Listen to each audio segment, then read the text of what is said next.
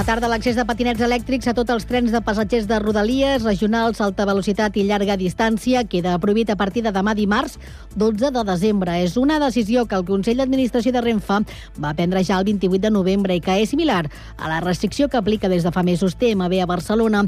La prohibició ve fonamentada, segons la companyia, per la situació de perill generada davant d'incendis de bateries registrats en alguns transports públics, successos causats, afirma la mateixa font, i entre d'altres raons, per manipulació manipulació de la bateria, desperfectes per cops, pas del temps o utilització de carregadors diferents.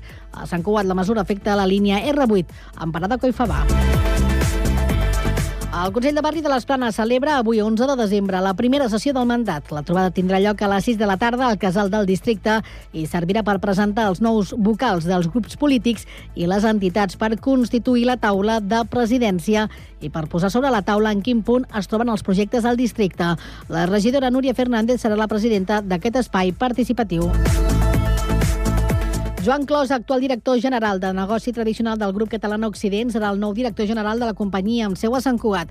Es tracta d'un nomenament que coincideix amb el canvi de nom de l'empresa, que passarà a dir-se només Occident i que unificarà en una sola entitat les companyies que conformen el negoci tradicional del grup, com són Seguros Catalana Occidente, Plus Ultra Seguros, Seguros Bilbao i Norte Hispana Seguros. El calendari dels amants de les arts escèniques tenen aquest dimarts 12 de desembre marcat en vermell i és que a dos quarts de deu del matí es posaran a la venda els abonaments del Teatre Auditori de la temporada de febrer a maig de 2024. Aquells que prefereixin esperar a les entrades generals podran adquirir-les a partir del 19 de desembre a dos quarts de deu del matí. I el primer equip masculí de l'handbol Sant Cugat ha superat per 29 a 31 l'handbol Espluga a la jornada 14 del grup D de la primera nacional. Els Sant Cugatencs sempre han anat per davant en el marcador amb una defensa sòlida i un atac excels, amb molta efectivitat.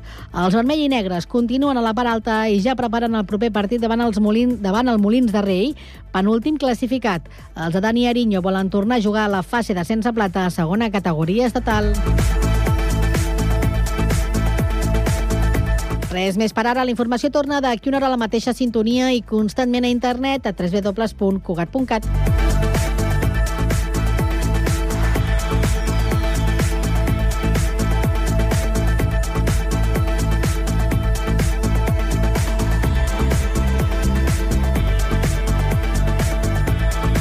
Cugat Mèdia, la informació de referència a Sant Cugat.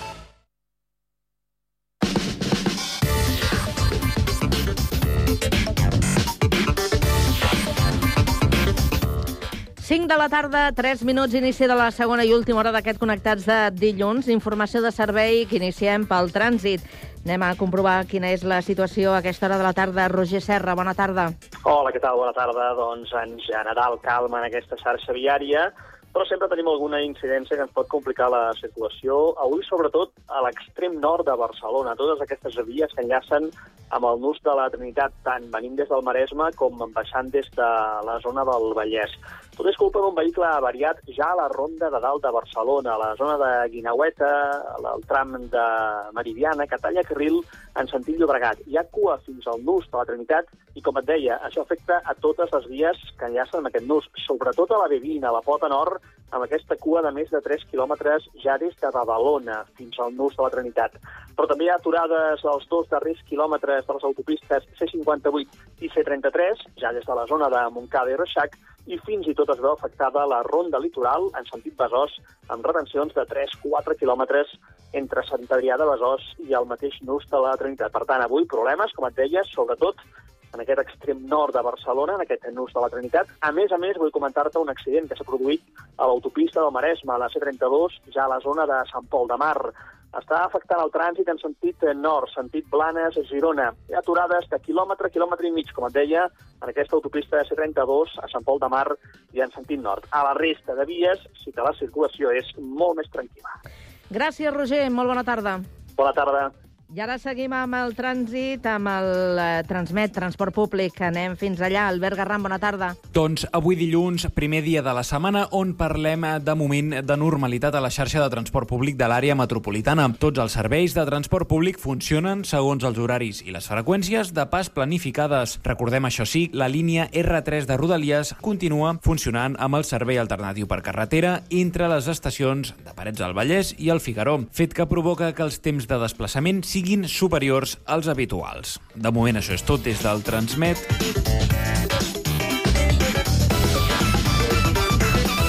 A la tarda no et desconnectis. A la teva ràdio local, connectats. Can't touch this. Can't touch this.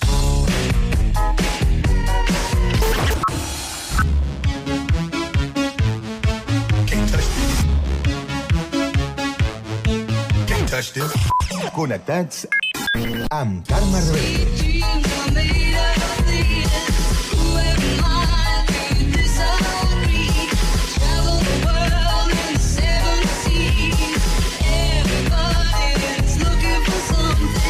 Connectats. Una experiència radiofònica a Sabadell, Terrassa, Sant Cugat, El Prat, Castellà i Badalona.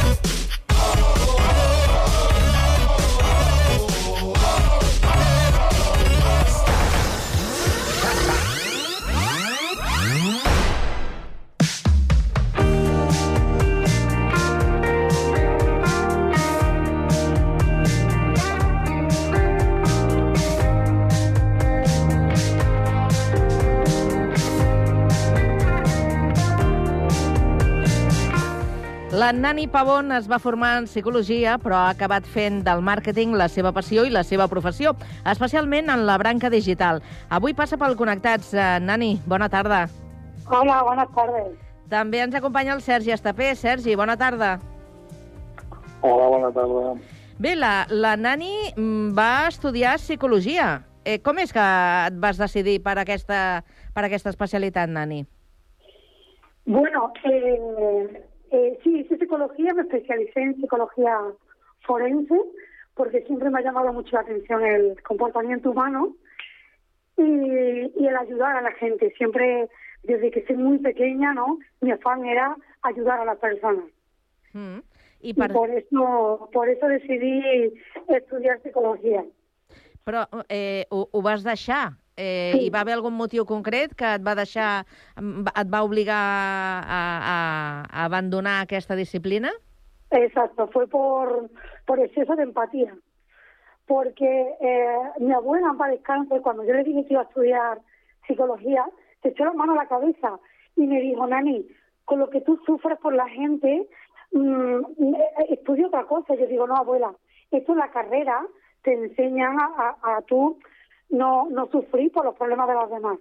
Pues esa asignatura o no la hice o, o no sé, pero eh, me quedaba con los problemas de la, de la gente, me quedaba con ellos, no, no era capaz de, de poner ese filtro.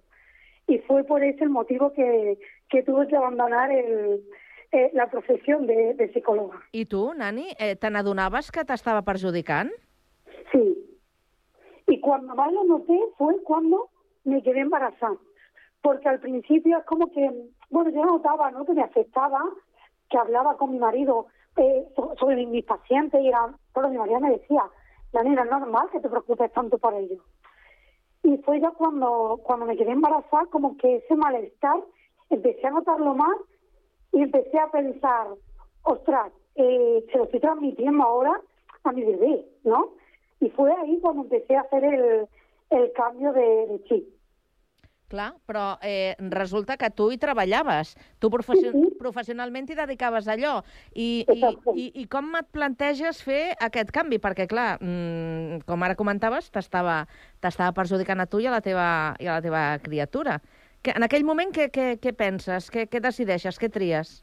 Eh, bueno, en este momento lo que lo que decido es, después de, de, de, de, de- de meditarlo mucho, porque claro, son tus pacientes, algunos llegaban conmigo años, y eh, venía gente de fuera, de Manresa, de Sabadell, de fuera de Tarrasa, eh, venían a, a- a- aquí a la consulta.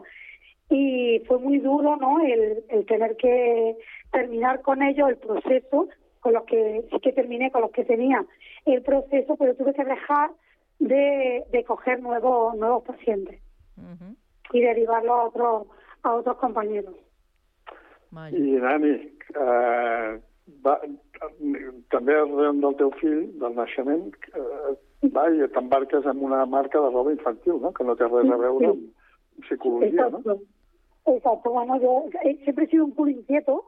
En mi familia siempre me llamaban así. Y cuando recién nació mi, mi pequeño, eh, empecé a hacerle ropita. Yo no sabía coser, ¿eh? Pero mi madre, hacía unos años, me había regalado una máquina de coser con la esperanza de que yo algún día eh, cosiera, porque ella, ella cosía de joven. Y al final, pues, empecé a ver videotutoriales y empecé a hacerle las típicos, los típicos cubre pañales y le hacía el chupetero, que lo hacía conjunto. Y fue así como, bueno, pues las amigas que tenían también bebés empezaron a ver eh, la ropita y, oye, pues mira, hazme tal. Y así, perdona, perdona, Nani, és que em sembla que hem perdut el... Hem perdut el, eh, el Sergi, El Sergi. Sí. sí. Però podem Vale. continuar, eh, tranquil·lament, Ah, vale, a, veure vale, si, a vale. veure si el recuperem. Vale, pues, pues como te comentaba, que, que empecé a hacer cositas así fáciles, ¿no? Para, de ropita. Y entre las amigas pues, empezó a gustar, empecé a coser para sus niños y, y esto que empieza a ponerlo en Instagram. Y bueno, y el, y el poder que tiene Instagram, ¿no? Que, que la gente empieza a contestarte, pues, a, co- a contactarte y empecé a monetizar esto y terminé creando una marca de ropa de para niños. donde yo hacía todo. Hacía desde el patrón, elegir la tela, la atención al cliente, coserlo, el envío, todo. Absolutamente todo. -huh. I durant quant Sí. de temps vas estar dedicant-te a, a, a la roba de, de nen? A la ropa, pues no llegó al año. No llegó al año porque murió de éxito. Claro, yo era un bebé, eh, era un bebé, mi, mi hijo era un bebé y, y dedicaba muchas horas y no supe delegar. Yo no supe, claro, yo nunca, a mí no, no me han enseñado a montar un negocio y yo no sabía, no, pues, si en ese momento hubiese delegado, pues mira, tú a alguien le pago a alguien para que me haga eh, la parte del envío o, o que me corte la ropa o que sea el encargado de, de la atención al cliente, pero no, yo lo quería hacer todo y al final eh, murió de éxito la, la, la marca, la empresa. Mm. Tuve que tuve que dejar de, de hacerlo porque, bueno, pues ya por salud, porque porque pequé. Ja, ja, ja, ja però es, se't donen bé eh, les coses que, que, que fas. Vull dir que Sí. vas deixant coses, però tot el que encetes també també va funcionant. Mira, ja tenim el, el Sergi. Sergi, Hola, ja Està estic aquí. feo, Sergi.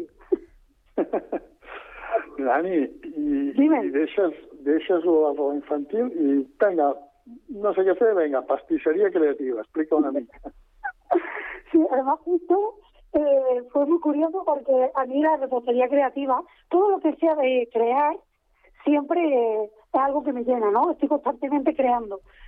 Eh, y la repostería creativa era algo que me encantaba, pero como hobby. Y, y cuando estaba en el trance de, de la ropa de, de marca que era en plan de, era como mi segundo emprendi- emprendimiento. De primero fue el de psicóloga, luego creé una marca de ropa y tampoco sale bien. Ahora porque habíamos vuelto de éxito, ¿no? Pero era en plan, joder, no me ha salido bien, tal. Me surge la oportunidad de trabajar por cuenta ajena en una pastelería de, de, de tartas así muy decoradas y galletas y demás. Y bueno, empecé haciendo media jornada como ayudante y en dos meses estaba, yo era la que la encargada de obrador. O sea que yo es que cuando hago algo le pongo tanta pasión a lo que hago que al final eh, yo llego hasta el fondo ¿no? de, de, del asunto. Uh Fins que descobreixes el màrqueting. Com va anar això? Pues esto, mm, a los dos años de estar en la pastelería, aquí ya había llegado un techo.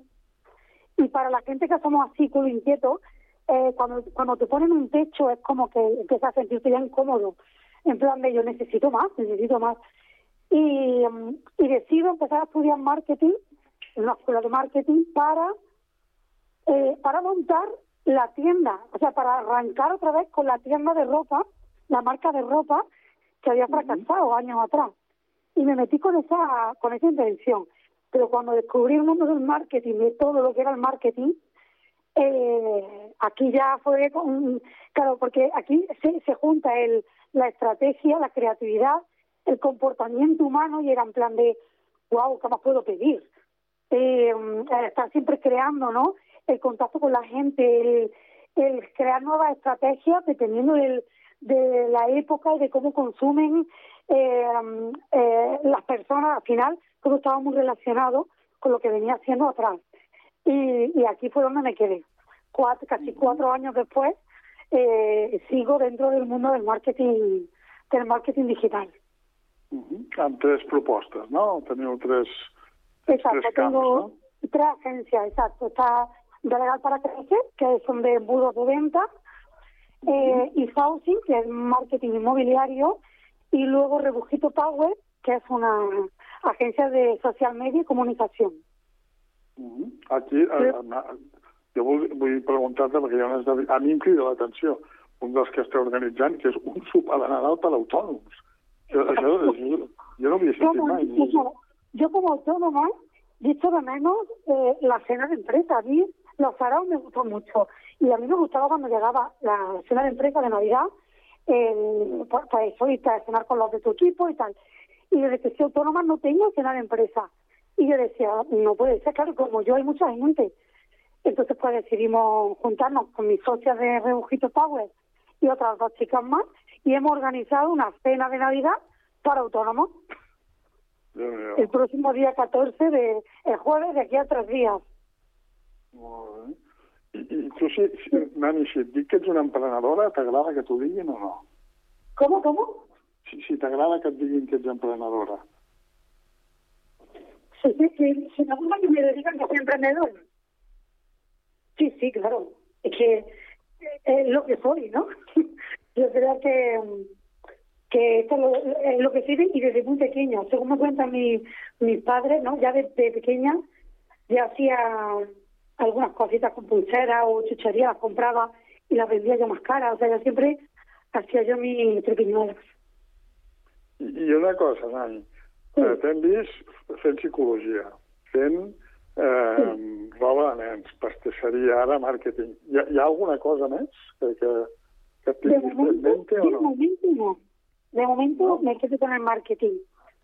Pero no te lo descarto, Sergi. No? No te descarto que, que de aquí a unos años, pues, me vuelva a enamorar de otra, de otra, de otra disciplina, de otra profesión. Sorpresa, eh? Amb la nana jo crec que qualsevol cosa que se li posi pel mig eh? l'agafa amb les dues mans fins que digui fins aquí hem arribat. No? Sí, sí, sí, sí, sí. Exacto. la, la Nani, que és de Còrdoba, explica per què vas venir a Terrassa. Com, com és que vas venir a Terrassa? Pues vine por amor. Por l'amor. Vine por amor de 12 años, 12 años. Que la gente no se piensa que llevo aquí ya 12 años en Terraza, porque, o sea, no se lo creen porque tengo el acento de Córdoba, lo tengo como muy arraigado todavía. Y, pero digo, sí, sí, llevo ya 12 años, o sea, ya me siento de, me siento de aquí de tant. Sí, sí. Aparte me encanta, ¿eh, Terraza? Què és el que més t'agrada de Terrassa, Nani? ¿Cómo? Què és el que més t'agrada de Terrassa? Eh, pues que a pesar de ser una ciudad, es como un pueblo. Pues yo voy por el centro de Tarrasa y me paro a saludar a un montón de gente porque conozco un montón de gente. Y eso, al principio, es lo que me ha echado de menos de allí de, Córdoba. Porque en Córdoba yo vivía en un pueblo de 20.000 habitantes y tú salías y te conocías todo el mundo. Y aquí al principio esto me costaba porque no conocía a nadie y eso lo, lo, echaba mucho en falta. Y ahora, eh, lo digo mucho a mi madre, digo, es que yo ahora voy por Tarrasa y es como un pueblo, porque sobre todo por barriada todo el mundo se conoce, ¿no? Y, y llegas a encontrar ese calor de pueblo, a pesar de ser una ciudad tan grande. Amb tanta gent? Perquè són, són uns quants, eh, habitants? Sí, sí, sí. Hay, hay mucha gente aquí sí, sí. Pero bueno, al final por los barrios donde más te, te mueves, ¿no? Eh, es como que se hace la unión esta de, de más de pueblo. Nani, si et dic que et convido un bon vi i un bon formatge, què em diràs? Eh, a ver, un buen vino, mira, últimamente he descubierto los vinos eh, naturales y están muy buenos. No te, eh, sabría, así no te sabría decir ahora, si quieres un Rioja, por ejemplo, el masqué de Murrieta está muy bueno. Y de, Puta, sí, y de. Girona, de Girona hay un, una, un seller, el- la viñeta, también tiene unos vinos muy buenos. Y de queso, eh, es que de queso me lo ponen muy difícil porque me gustan todos. Desde más suave más fuerte, o sea, me gustan todos. Eso sí, importante con muy buena compañía. O sigui que és, és, la Nani és una bona gourmet, no? Vi, vi i formatge. És una, bona, és una bona combinació. Un altre dia li preguntarem per algun vi català que realment l'hagi seduït. Que n'hi ha, eh? N'hi ha uns Sí, quants, sí, eh? mira, el, el Yabor de la viñeta está muy bueno. Yabor se llama, sí. Y este de aquí de, es catalán, Uh de la viñeta. Apunta. Sí. Nani, escolta, ja no ens queda més temps, però sí que volem acabar amb una cançó que tu has triat per posar punt final a aquesta entrevista. Quin tema és? Eh, de Macarena. La Macarena. Sí, el, el himno del rebujito Power. De la. Això és una festa continuada. Doncs escolta, Nani, uh, l'escoltem i la compartim amb la nostra audiència. T'agraïm moltíssim que hagis passat pel Connectats i que tinguis unes bones festes. Muchas gracias a vosotros. Que vagi molt bé. Bona Un tarda. fuerte abrazo. Adiós.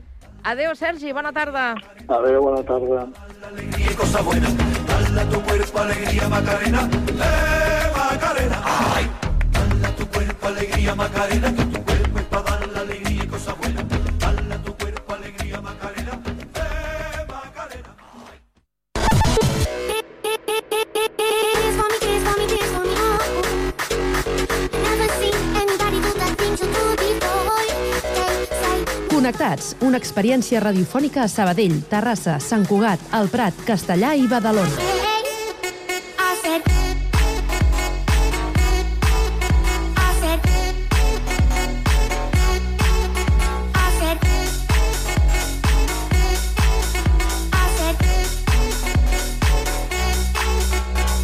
Connectats amb Carme Reverte.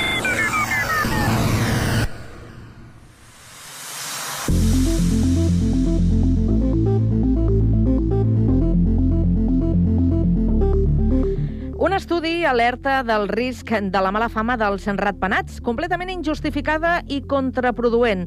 El seu menyspreu i persecució podria tenir efectes devastadors, ja que són uns proveïdors claus de serveis ecosistèmics. Amb qui podem parlar sobre aquest tema? Pau Duran, bona tarda.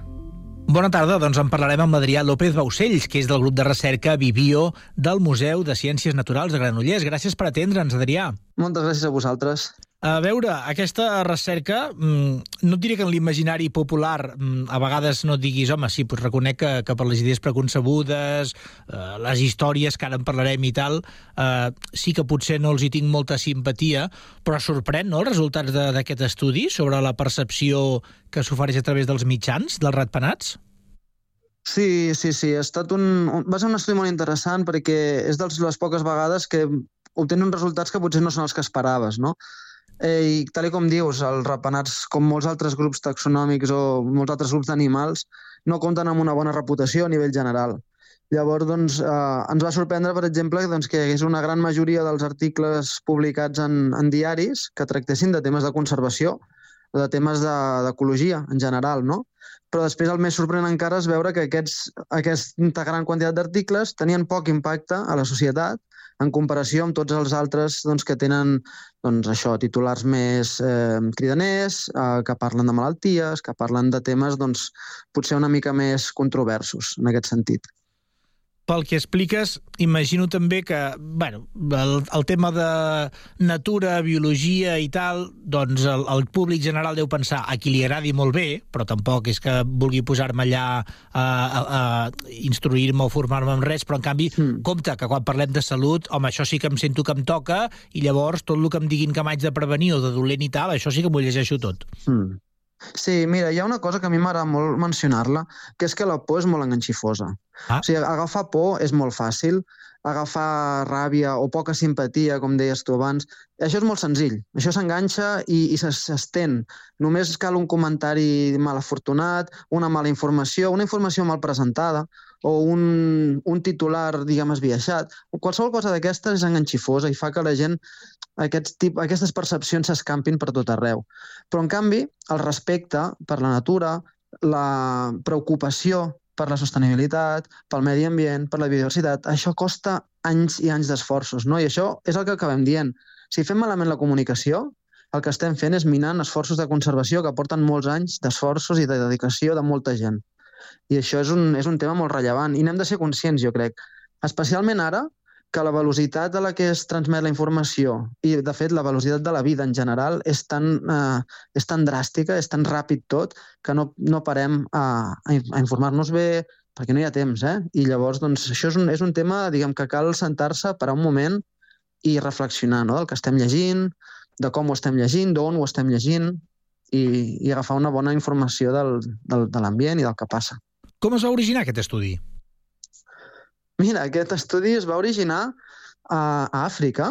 Uh, jo estava col·laborant doncs, amb el doctor Álvaro Fernández, que, bueno, que és també coautor d'aquest estudi, i amb en Ricardo, un altre, un altre investigador, i estàvem parlant del, del mal que fan algunes notícies doncs, mal, mal dissenyades, mal, mal escrites, i de tot el mal que fan en la conservació. I així, doncs, parlant mentre sopàvem un dia, no sé, per què no fem un, una revisió ben feta i mirem exactament el que està passant, no? En comptes de ser, diguem, una, una xerrada entre amics així mentre sopes, per què no ho fem bé? Per què no fem ciència? I per què no agafem gran quantitat d'articles de, de divulgació i mirem com es presenta la informació i quin impacte té la gent? Què és allò que la gent llegeix, allò que la gent respon més?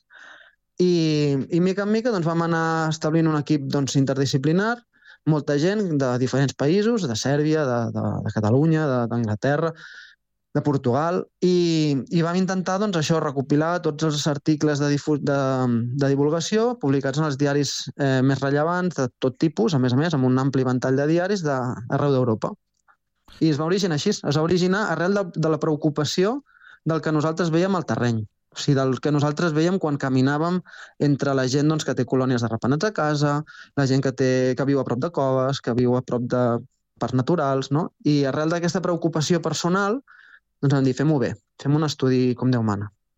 que ho has dit així de passada, però compte que estem parlant de més d'un miler d'articles periodístics publicats Mm. a 15 diaris dels 5 països més poblats d'Europa Occidental.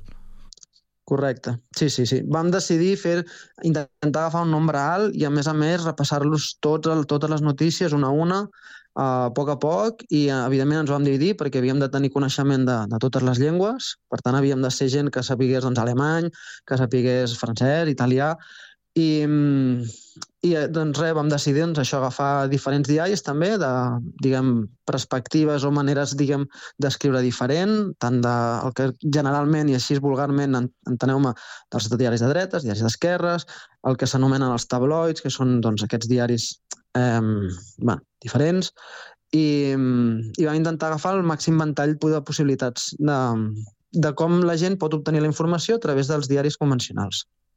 És a dir, tot i que anomenes els tabloids també, que, que podrien tenir una mica cap a, al sensacionalisme o així, mm, estem parlant de lo que és premsa seriosa.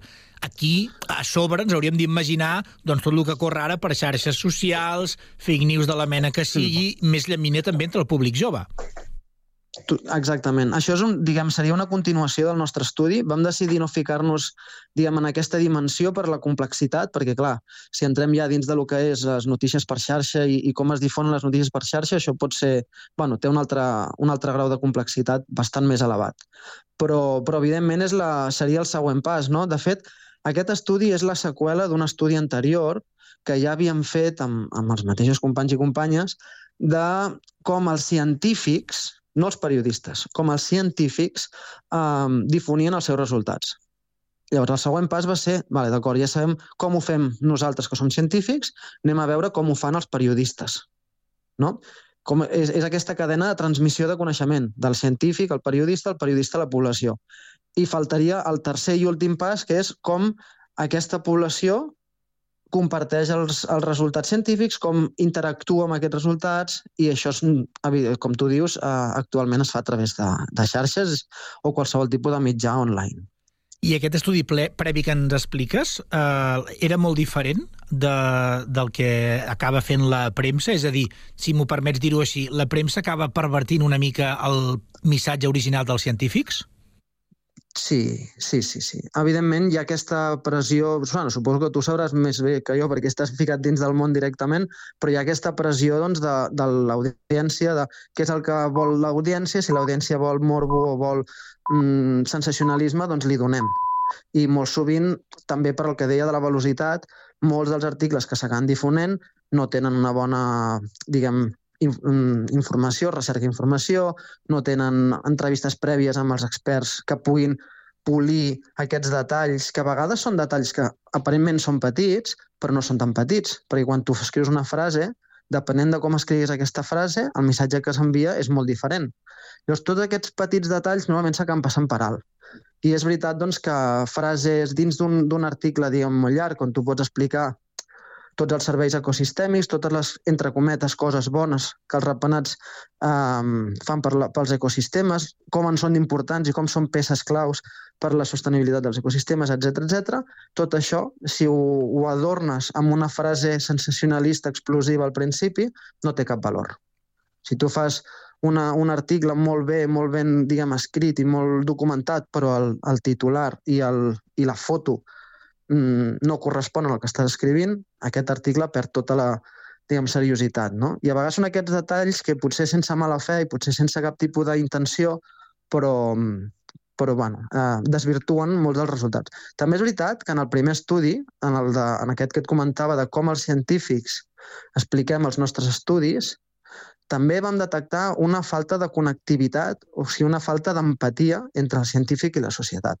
O sigui, els científics exposen molts dels resultats sense, sense potser entendre com arribarà aquesta informació al final, sense anticipar-se a com aquests resultats s'acabaran transmetent per gent que no és experta. I llavors, aquesta alienació del científic a la societat tampoc no, no va bé. O sigui, no hi ha... Tampoc no et dic que els científics són perfectes, periodistes fatal, és una mala combinació de molts temes que el que, que el que dona com a resultat és que la informació es transmet bastant malament. Llavors, anem a fer una cosa, Adrià, i anem a explicar-ho bé. Sí. Començarem per lo sí. dolent. Realment, què de negatiu o què de dolent ens poden fer o ens poden transmetre els ratpenats a les persones? O sigui, a, a nivell europeu, absolutament res. A nivell europeu, absolutament res. És, és una... Estem parlant sempre de proporcions. La importància del ratpenat dins dels nostres ecosistemes és capital. Són depredadors de les xarxes tròfiques, que això vol dir que mengen quantitat d'insectes ingents. Uh, en segons quines localitats, fins i tot, són supressors de plagues agrícoles, ajudant, per tant, els agricultors de casa nostra. En molts altres llocs controlen també les poblacions d'insectes, diguem, les zones ripàries, zones d'aiguamolls, etc etc. I, I a nivell tropical ja ni en parlem, perquè són espècies que, per exemple, mm, dispersen llavors dels boscos i, per tant, fan replantacions de boscos gratuïtament. Això perquè ens entenguem. Nosaltres a vegades veiem projectes d'aquests d'anem a reforestar l'Amazones, anem a reforestar, uh, no sé, el bosc de la Mata Atlàntica. Els rapenats ho fan, ho fan gratis. És la natura mateixa que ho fa. Per tant, eh, són valors. No? Després hi ha, per exemple, totes aquelles plantes que només són polinitzades per, per rapenats, fruiters, per exemple. Hi ha moltes fruites que si no hi hagués rapenats no tindríem les fruites, perquè no es polinitzarien. Llavors, com a, com a animals dels ecosistemes de, de la Terra, són, tenen una importància capital.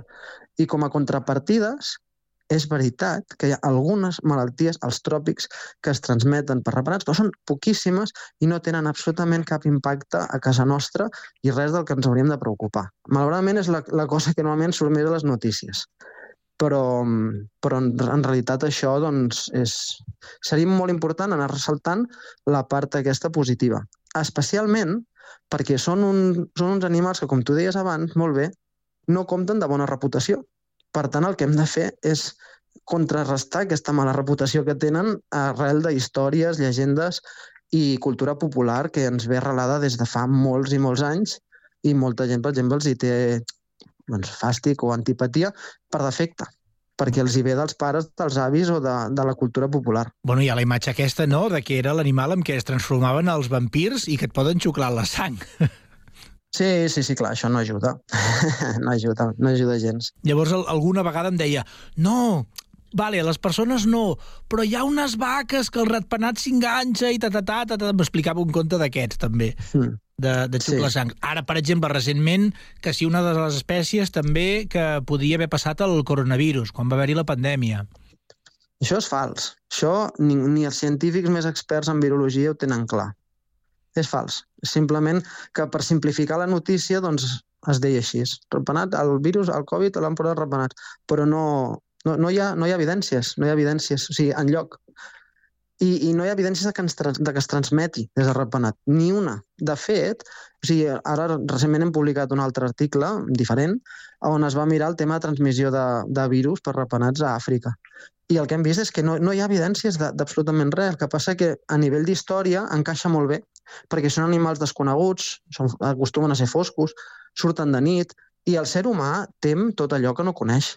Al ser humà no li agrada allò que no coneix. Per tant, mm, són candidats molt, molt fàcils per, diguem, per fer servir com a, com els dolents de la pel·lícula. L'asa dels cops. Escolta, i, m'ha cridat molt la curiositat. Com ho fan, això de la dispersió de les llavors o la polinització?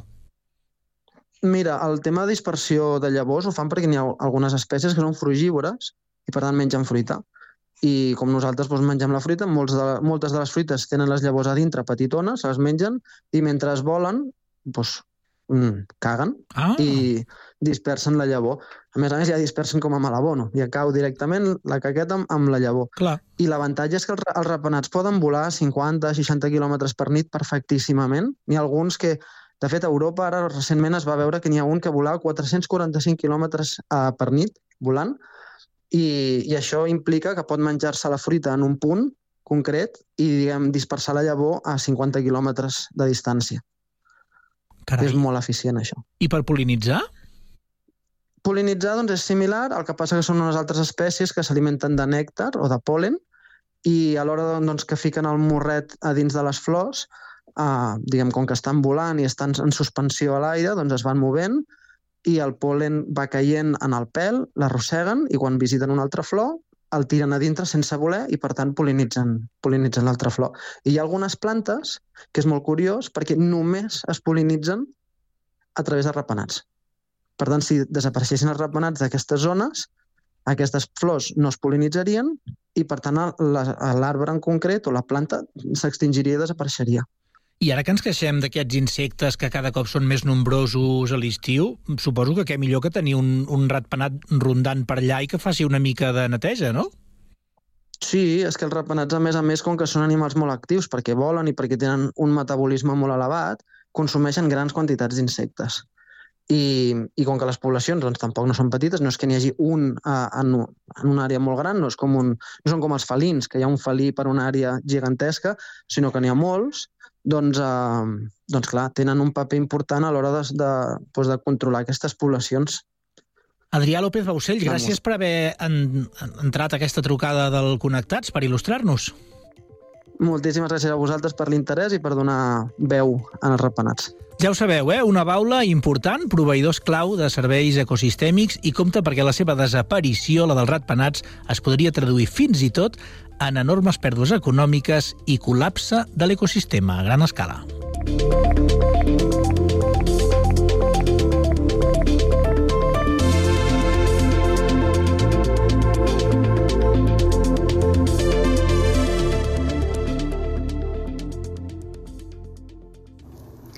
Hola, sóc la Maria Semperi de l'editorial Les Hores i per aquest Nadal us vull recomanar la novel·la Que no s'apagui la flama de l'escriptora canadenca Miriam Tapes, amb traducció d'Octavi Gil Pujol. Aquesta és la història de tres generacions de dones que viuen a la mateixa casa al Canadà. Trobarem en primer lloc l'àvia, que té 85 anys i està, té la salut delicada, la seva filla, que en té 35 i està molt embarassada d'un pare absent, hem de llegir la novel·la per saber eh, on para, i ella és una actriu de cinema i segueix treballant intensament tot i el seu embaràs. Després coneixerem la Sif, que és la neta de 9 anys, i que ha estat expulsada de l'escola per seguir massa literalment els consells de l'àvia. L'àvia és una dona que ha tingut una, una vida molt dura i que és, serà l'encarregada d'educar a la seva neta durant aquestes setmanes que la nena ha estat expulsada de l'escola. L'àvia farà servir uns mètodes gens ortodoxos. Ensenyarà matemàtiques amb un trencaclosques Amish o ensenyarà també com es pot cavar una tomba al mig del gel. L'àvia, com dèiem, està força malalta i el que intentarà fer és, en aquest període que conviu amb la seva neta, transmetre-li la importància de lluitar per allò que ella cre creu que és just i sobretot també per encarar la vida amb optimisme i amb positivi molta positivitat. Si coneixeu aquesta autora, i pels qui no la coneixeu, us direm que és una autora realment que escriu amb, amb molta gràcia i amb molt sentit de l'humor, tot i que sempre en el rerefons de les seves novel·les, com també en aquesta, trobem reivindicacions molt potents. En aquest cas, la importància de lluitar per allò que un creus que és just. Podrà l'àvia transmetre la importància a la seva neta, que mantengui viva la seva flama interior, les seves ganes de viure, la seva il·lusió per allò que vol fer en aquest món? Haureu de llegir la novel·la per descobrir-ho. Espereu que gaudiu molt aquesta novel·la, que no s'apagui la flama i que passeu un molt bon Nadal. Fins aviat.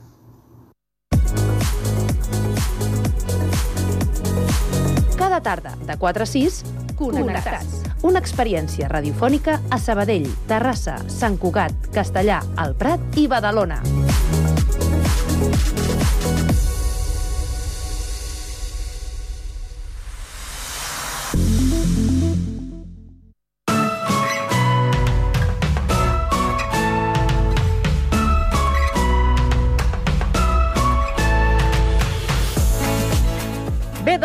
Fa una estona érem a Sabadell i ara hi tornem de seguida perquè en aquest espai dedicat a la cultura avui parlem de Cremòvia Edicions, que ha publicat una altra història del, del monstre Joan. I volem parlar d'aquest nou llibre sorgit precisament en aquesta ciutat, a Sabadell. Pau Duran, bona tarda de nou.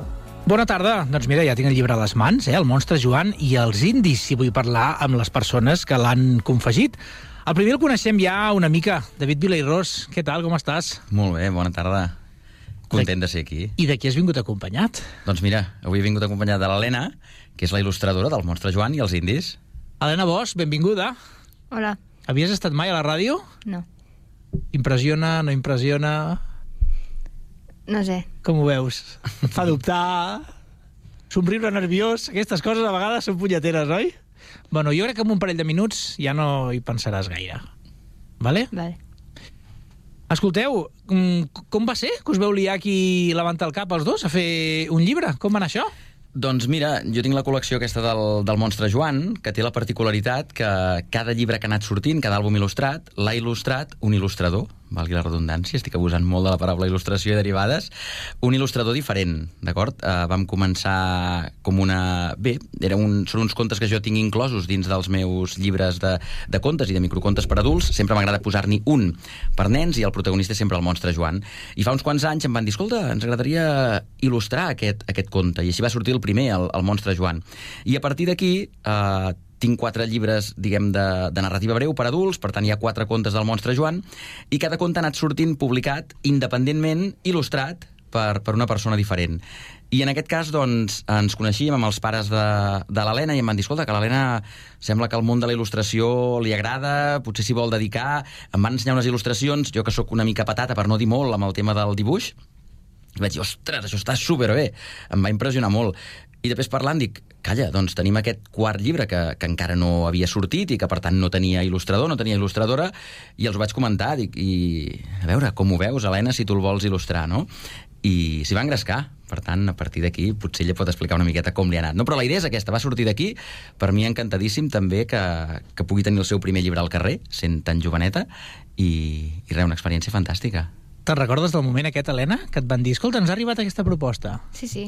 Sí? On, on, on estaves? Com, com t'ho van dir, aviam? Eh, estava en una mena de... Uh, que, uh, que ell estava firmant llibres, llavors m'havien present, presentat els pares, no sé si era l'àvia o els pares. Sí?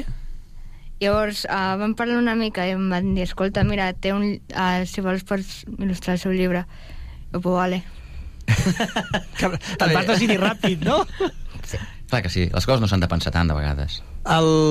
Et van explicar qui eren? Sabies alguna cosa abans? L'ubicaves? El tenies clissat? No. Però em van explicar, em van explicar que... Bueno, em van explicar qui era ell. Mm -hmm. Llavors ens, llavors ens vam presentar, llavors ens vam conèixer més. I què tal et va caure quan el vas conèixer?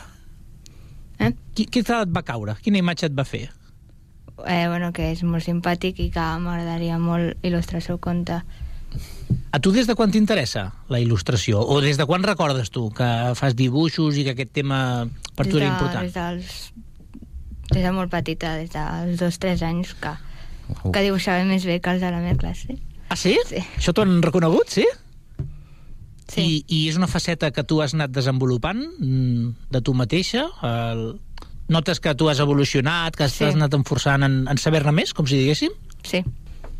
Helena, i en quin moment et vas començar a, a imaginar què és el que tu faries? És a dir, mm, vas agafar el conte, el vas llegir i et vas començar a imaginar què dibuixaries, quins planos serien, com va anar aquest procés? Bueno, depèn del context que dibuixaria el que estava dient el, el, el...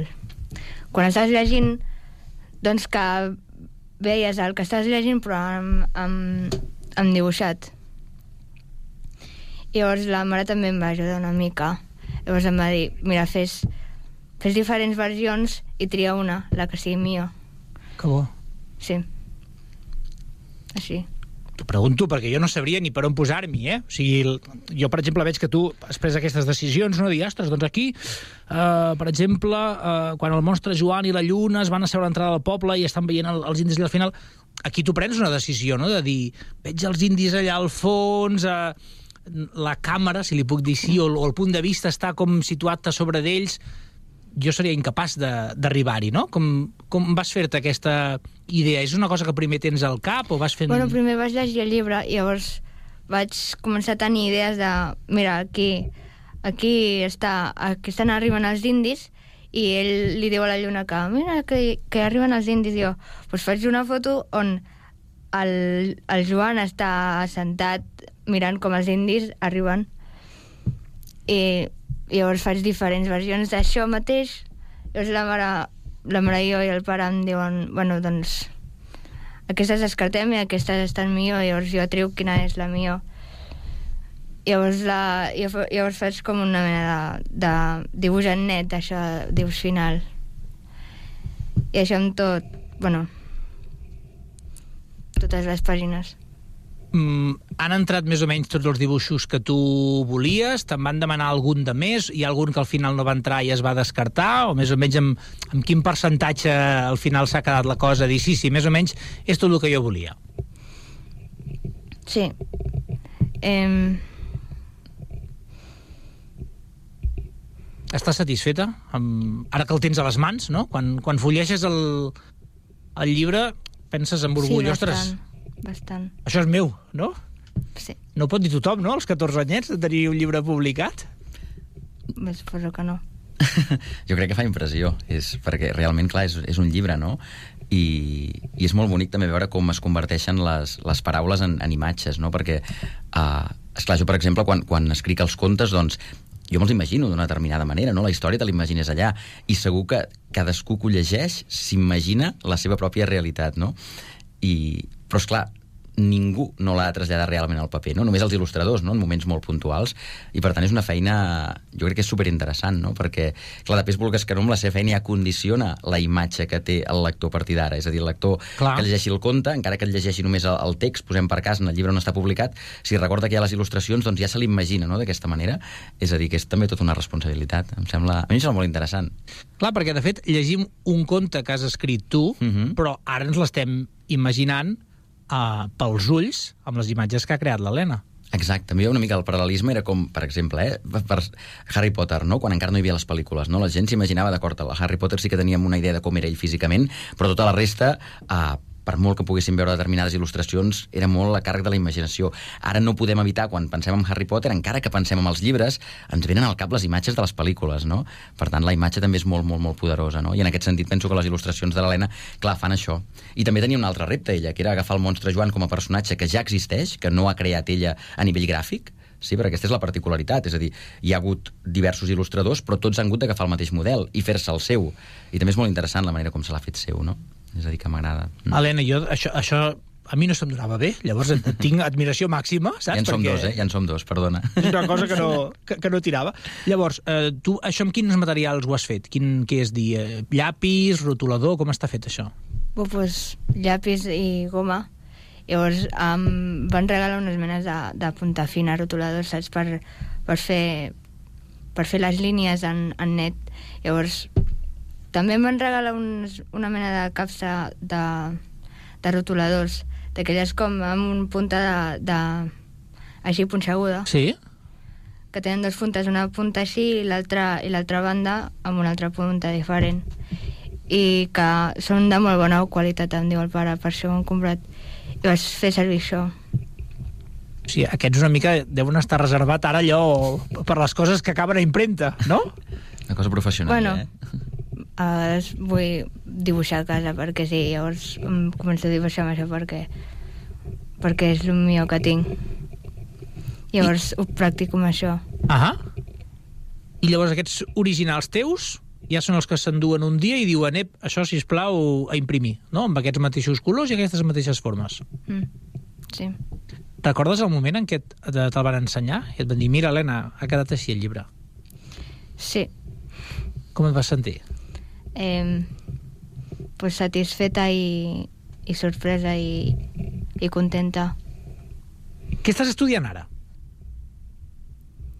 Eh, pues estic a l'escola Fent quin curs? al, a tercer d'ESO. I has pensat què vols fer després? Jo de gran vull ser pilot d'avió. I bueno, dibuixar com a hobby. I aquest hobby mm, el vols cultivar d'alguna altra manera? Vols que, no sé, algú et doni classe d'alguna especialitat? O t'agafes tu llibres per, per prendre referències? Puc il·lustrar alguns llibres, algun per guanyar alguns altres diners i llavors tenir com com una mena de cosa que faig per, per diversió. Per tant, si ho fas per diversió, però creus que també s'hi pot guanyar algun diner, vol dir que tu ho prendràs seriosament. Sí. Carai, David, sembla, eh? ja m'agradaria tenir jo les coses així de clares, eh, quan tenia 14 anys. O ara, o ara. O ara, exacte. Oi, de vegades?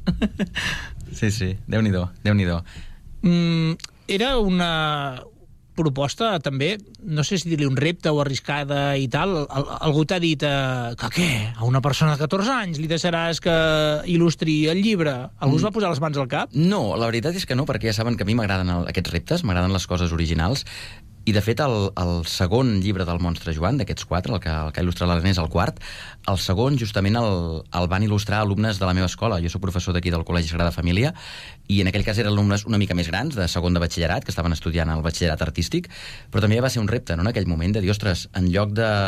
Fins aquell moment jo havia treballat amb, amb il·lustradors, diguem, professionals, no?, adults, que s'hi dedicaven, i quan vaig veure la possibilitat de dir, ostres, i si donem una oportunitat a aquests alumnes que estan ja segon de batxillerat, van molt encaminats a dedicar-se al món de la il·lustració, al món de l'art, i va ser una experiència brutal per mi, fantàstica. Per tant, aquí era com dir, d'acord, aquella vegada vam fer segon de batxillerat, ara anem fins a tercer d'ESO, o, o l'Helena els, els va fer quan feia segon encara, no? Per tant, era, esclar, era un repte encara més perquè penso, ostres, que joveneda, no?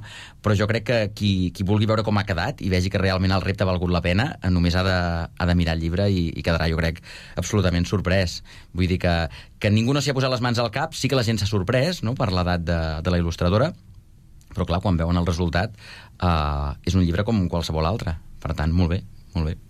Tu quant temps feia que tenies el, el, la narració escrita, que havia estat creada, quan ella hi entra en contacte? Sí, doncs mira, uh, forma part del que és el meu darrer llibre de contes publicat, que el vaig publicar el 2020, just abans de la pandèmia. Allò, dues setmanes abans vaig ser molt, molt, va ser una visió comercial molt gran. Després vaig haver d'esperar pràcticament a donar-li sortida, clar, perquè és que publiques un llibre que normalment després comença a fer-ne presentacions i vas voltant pel territori i et trobes que, ostres, ara quedem tancats, no? Era un llibre que es diu La revolta de Cremòvia i altres contes, i és clar, vaig haver d'esperar pràcticament un any a començar a fer-lo córrer, no? Però el conte en si està inclòs en aquest llibre, per tant va sortir publicat el, el 2020, fa uns, uns 3 anys, 3 anys i mig, i, i ara doncs deu fer aproximadament un mig any que, que li vaig proposar a l'Helena d'il·lustrar-lo, per tant el llibre diguem que el conte ja estava de feia temps que corria, estava dins d'aquest llibre, però és clar, tenia ganes de veure com quedaria com, com els altres monstres Joans, no?, il·lustrat. On el podem trobar? Doncs ja és a, a punt, a punt, a punt d'arribar a les llibreries, aquí mateix a la, a la llar del llibre, i serà, doncs, en principi la setmana que ve ja, ja començarà a córrer i després ja en farem alguna presentació aquí a Sabadell i bé, el que es fa una mica amb tots els llibres, no? Donar-lo a conèixer i esperar que, que la gent, doncs, li cridi l'atenció, el, el llegeixin, el comparteixin i sobretot el gaudeixin.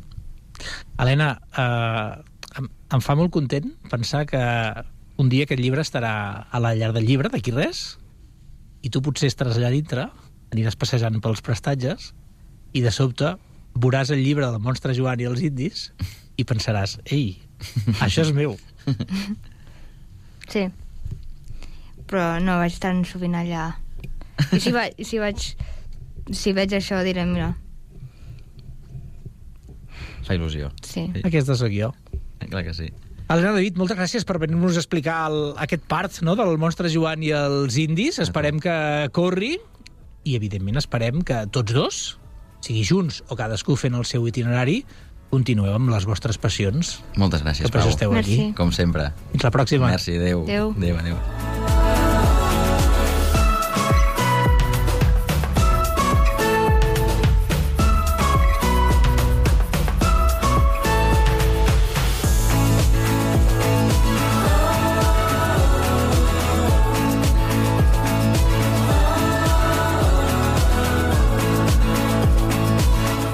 Doncs acabem aquest Connectats de dilluns. Hem iniciat una nova setmana amb aquesta bona notícia que ens arribava des de Sabadell amb la creació d'un nou conte il·lustrat per aquesta jove sabadellenca de 14 anys.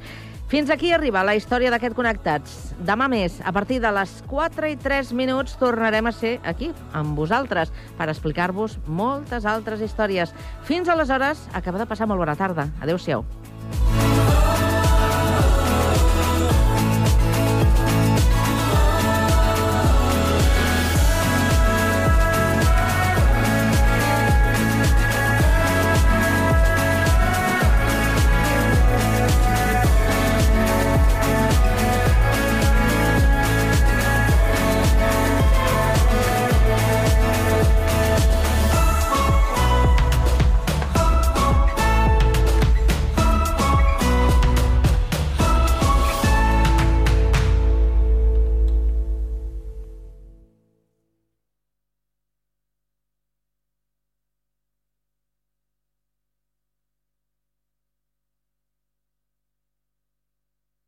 Cugat Ràdio 91.5, la ràdio de Sant Cugat.